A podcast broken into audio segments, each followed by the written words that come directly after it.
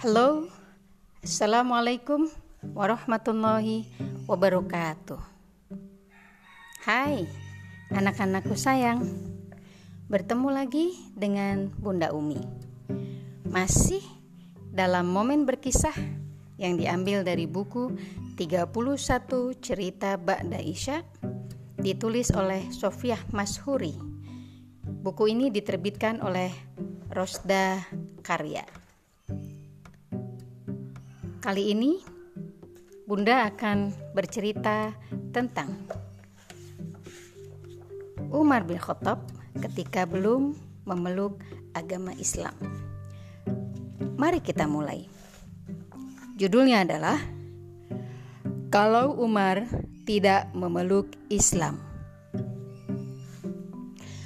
Setiap waktu sholat tiba, Labibah bersembunyi ia melakukan sholat dengan diam-diam. Tidak boleh ada yang tahu. Ia memeluk Islam pun dengan diam-diam dan rahasia. Labibah seorang perempuan hamba sahaya atau budak. Ia dimiliki oleh Bani Muammal bin Habib. Majikan Labibah ini orang Mekah yang cukup kaya sehingga mempunyai banyak budak. Makin kaya seseorang, makin banyaklah budaknya. Mereka membeli budak di pasar budak atau pada majikan budak itu. Sekalipun sholat dengan sembunyi-sembunyi, pada suatu saat majikan Labibah memergoki juga. Tentu saja Muammal marah bukan kepalang kepada budaknya. Apa yang baru saja kau lakukan? Tanya Muammal. Labibah diam. Harus menjawab bagaimana? Kalau mengaku, celakalah dia. Tidak mengaku, juga celaka. Kau menganut agama sesat itu, seru Muammal. Agama sesat yang dimaksudkannya adalah agama Islam. Muammal menganggap Islam agama sesat.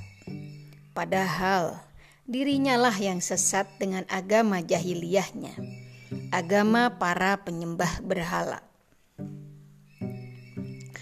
Ya, aku beriman kepada Allah dan Rasulnya, kata Labibah pada akhirnya. Ingkari agama itu. Aku tidak akan mengingkarinya sekalipun kau akan kusiksa sampai mati? Ya, Labibah disiksa. Tidak hanya Muammal yang melakukan penyiksaan itu.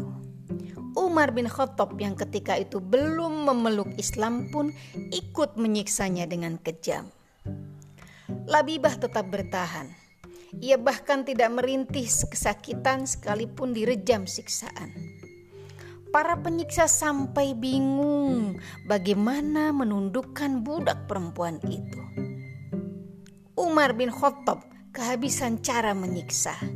Ia beranjak meninggalkan Labibah. Kau kutinggalkan karena aku sudah muak melihat wajahmu.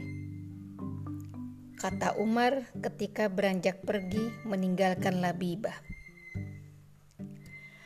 Kalau kau tidak memeluk Islam, Allah akan menimpakan bencana terhadapmu. Seru Labibah kepada Umar.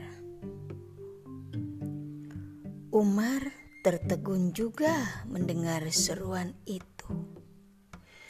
Hebat juga budak yang sudah kepayahan disiksa itu, masih bisa mengutuk penyiksanya.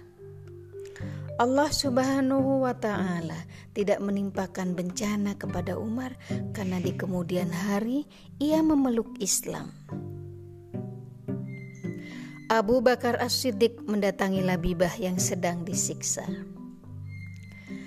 Perempuan itu tidak akan mau mengingkari agamanya sekalipun disiksa sampai mati, kata Abu Bakar. Dia akan mati sia-sia kalau tidak kau jual selagi masih bernyawa. Akan kujual kalau ada yang membelinya, berkata Mu'ammal, ku beli.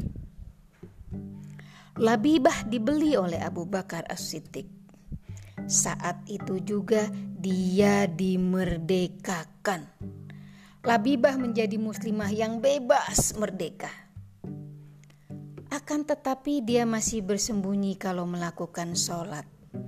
Orang Islam masih dimusuhi di Mekah.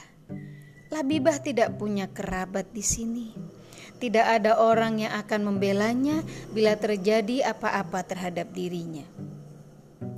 Orang seperti itu mudah sekali dicelakakan orang lain. Kaum musyrikin mengincar orang-orang lemah seperti Labibah.